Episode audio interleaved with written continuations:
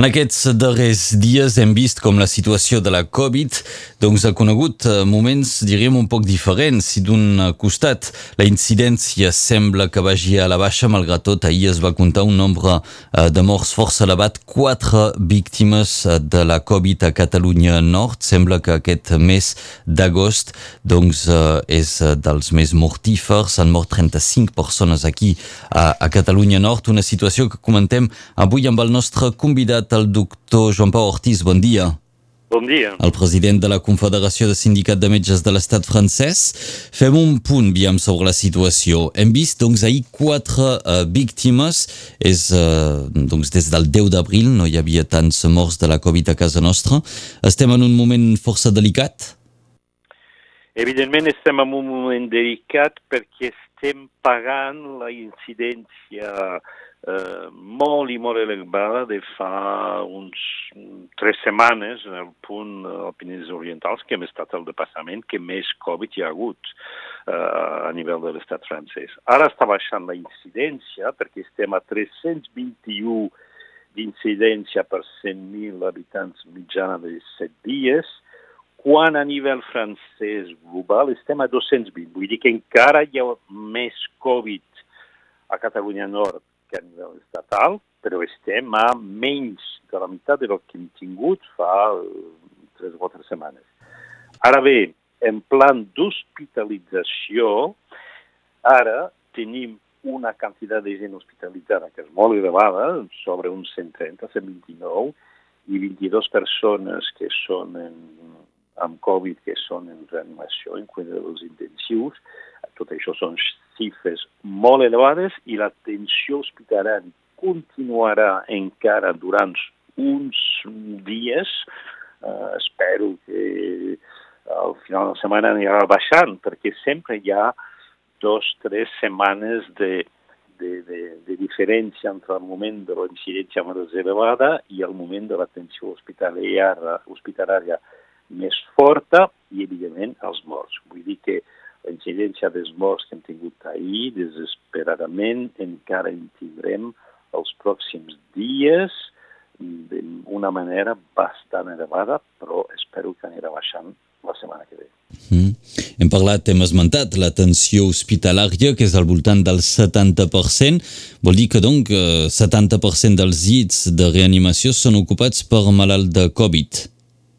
Exactament, i això és un problema perquè en aquest moment hi ha molta població que no són de Catalunya Nord que fan turisme aquí, hi ha accidents, hi ha infarts, hi ha bueno, problemes de, de salut que poden tenir tota la gent de Catalunya Nord, però també gent de fora, i, i necessitem eh, tots els llits de, de reanimació. I quan en tenim eh, més del 70% ocupats pel Covid, pues és un problema per tot l'altre això explica que tenim una atenció hospitalària molt forta en un moment que tot el personal hospitalari, el personal mèdic, tota, eh, tota la, la gent que se'n cuida de la salut de la, de la població, que sigui als hospitals, a les clíniques, als gabinets medicals de, de capçalera, etc.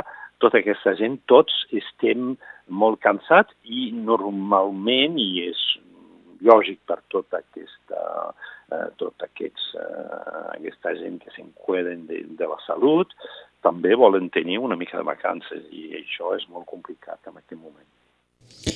Aquesta és la situació, ens dèieu que estem pagant eh, l'incidència tan alta que hem tingut fa unes setmanes. Quines previsions de futur podem fer? Si ara l'incidència està baixant, vol dir que tot es calmarà un poc? Sí, l'incidència està baixant.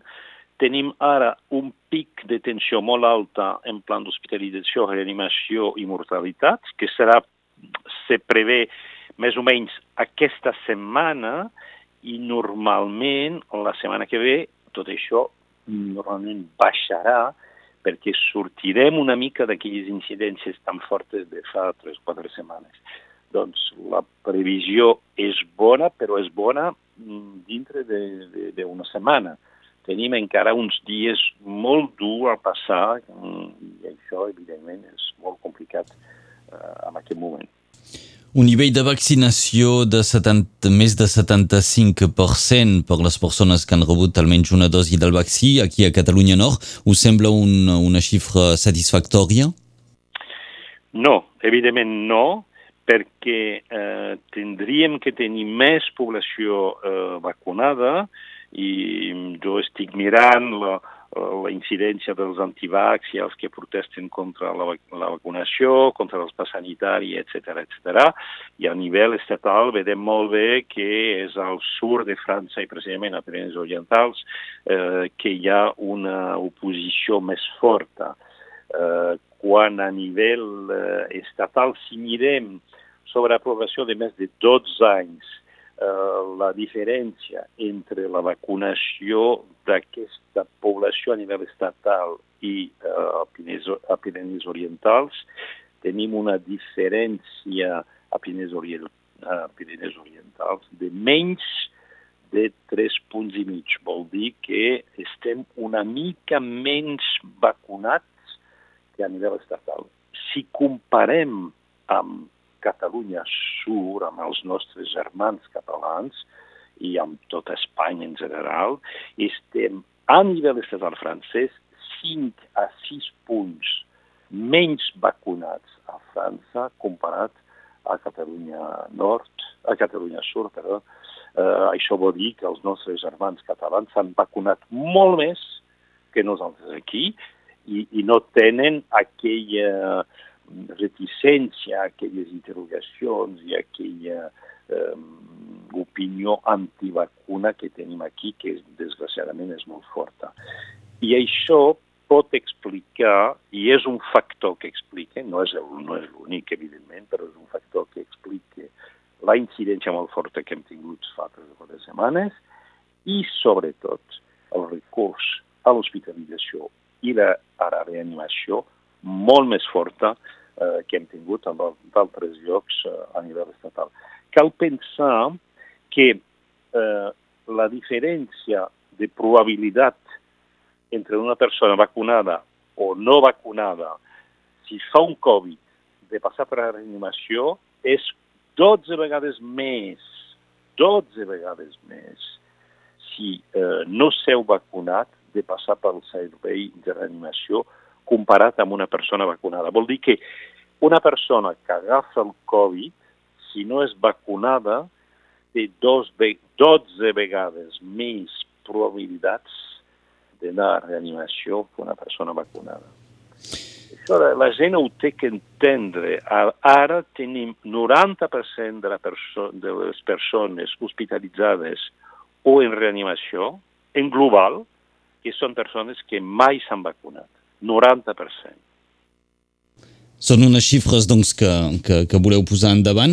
Um, heu fet la comparació amb, amb Catalunya Sud, si algunes xifres, per exemple, a nivell de tot l'estat espanyol, la incidència se situa a 317, a casa nostra és més elevada, aquí a Catalunya Nord, uh, però es, es nota aquesta diferència de, de quantitat de, de persones vaccinades a nivell concret? Sí, perquè cal ser polit amb les xifres que venen de Catalunya i de l'estat espanyol, perquè ells donen la incidència en 15 dies. Quan digueu 317, si volem comparar amb les xifres franceses, cal dividir per dos. 317 a nivell eh, espanyol o, o català representa més o menys 160 a nivell francès, quan nosaltres a nivell francès ara estem a 220 i Pireneus Orientals, a Catalunya Nord, a 321. Vol dir que hi ha molt menys eh, Covid ara eh, a nivell global eh, espanyol i a nivell de Catalunya que no pas eh, aquí. La vacunació molt més forta que hi ha eh, al sud dels Pirineus segurament que és un factor que ha reduït molt la contaminació. Això és veritat. El eh, doctor Jean-Paul Ortiz, el eh, ministre de la Salut, Olivier Véran, va anunciar ahir que a principis del mes vinent les persones de més de 65 anys i les persones doncs, considerades de, de més risc podran tenir una tercera dosi de, del vaccí. Um, què en penseu? Com penseu que això pot ser pres, diríem, per la societat actualment en aquests moments? Primerament tenim que esperar les recomanacions de l'alta autoritat de salut que tenen que arribar avui o demà. Segona remarca que tinc que fer és que ara, ara ja fem tres dosis de vacunació amb una certa població ultra risc. És a dir, que en aquest moment s'ha considerat científicament que dues vacunacions eren segurament eh, insuficientes per tenir una protecció contra la Covid suficient per una certa població molt a risc. És molt, molt poqueta gent. És, per exemple, la gent que tenen un tractament molt fort perquè eh, tenen un, un ingert, un transplant de, de, de cor, de rinyó, etc la gent que fan diàlisis, per exemple, la gent que tenen una malaltia inflamatòria molt forta i tenen uns medicaments molt forts per reduir les defenses de l'organisme. I doncs, aquesta població en aquest moment ja les fem tres dosis. Ara bé, sabem que amb l'edat, amb, eh, quan nos fem més vell, la vacunació no dona tanta eh, resposta i tanta protecció. Per què? Perquè quan ens fem més vells, les nostres defenses són més febles. I és per això que ara se planteja de fer una tercera vacunació per tornar a estimular les defenses eh, de eh, la gent més gran. Més a més, de moment no sabem ben bé, encara que sabem que com mínim sis mesos i potser més, però no sabem ben, ben bé quan durarà la protecció del feta pels anticossos que la vacunació ha provocat contra el Covid. Durarà sis mesos, durarà vuit, durarà un any, durarà una mica més. No ho sabem ben bé. I doncs, amb aquells arguments, arguments de dir la gent més grana fa menys anticossos, té defenses més febles, primer argument. Segon argument, la vacunació provoca anticossos que duren i protegissin durant uns mesos, però no sabem si protegirà més. Amb aquests dos arguments és lògic de protejar els, els, la població que és la més feble, la més fràgil, la més a risc, que és la, la població més vella. És per això que se proposa això. Mm. És molt lògic, científicament és molt lògic. Per acabar, doctor Jean-Paul Ortiz, un mot sobre la rentrada. Aviat els alumnes tornaran a classe, els mainatges doncs, es retrobaran a escola. Penseu que és un moment també eh, de potencial risc? Evidentment és un moment de potencial risc perquè quan miro una incidència, per exemple, parlaven de, de Catalunya Nord, incidència global 321, 321 incidència eh, del, dels 20-29 anys 668, incidència del 10-19 anys 500. Vol dir que en aquest moment la població més jove, més jove té una incidència de Covid que és quasi bé dues vegades la incidència global i a l'invers la incidència a Catalunya Nord dels més de 70 anys és a menys de la meitat, menys de la meitat de la incidència global de Catalunya Nord. Doncs la reentrada vol dir que hi haurà, evidentment, una circulació del Covid a dintre de les famílies, eh, perquè els nens, eh, els jovents, se contaminaran entre ells i és per això que en aquest moment s'està proposant la vacunació inclòs de la mainada, inclòs de, de la gent més jove, eh, a partir dels 12 anys, eh, perquè és una manera també de protegir la població més grana, que tenim a dintre de les nostres famílies. És un gest de protecció individual, però també és un gest de protecció col·lectiu i familiar. Uh, I això jo penso que ara es té que plantejar clarament i amb la reentrada fer el màxim per fer vacunació a la gent a partir dels, dels 12 anys. De moment, per la, la mainada més petita no ho sabem, però a partir de 12 anys sí que es té que fer.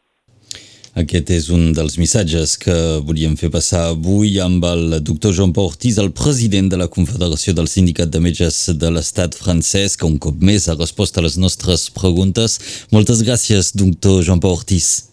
Gràcies, tingueu bon dia i continueu, continueu les gestes barreres de protecció perquè la vacunació és molt important, però també circula el Covid i a la nostra terra n'hi ha molt en aquest moment. Bé, moltes gràcies, el missatge ha passat. Adiu. Adiu, fins una altra.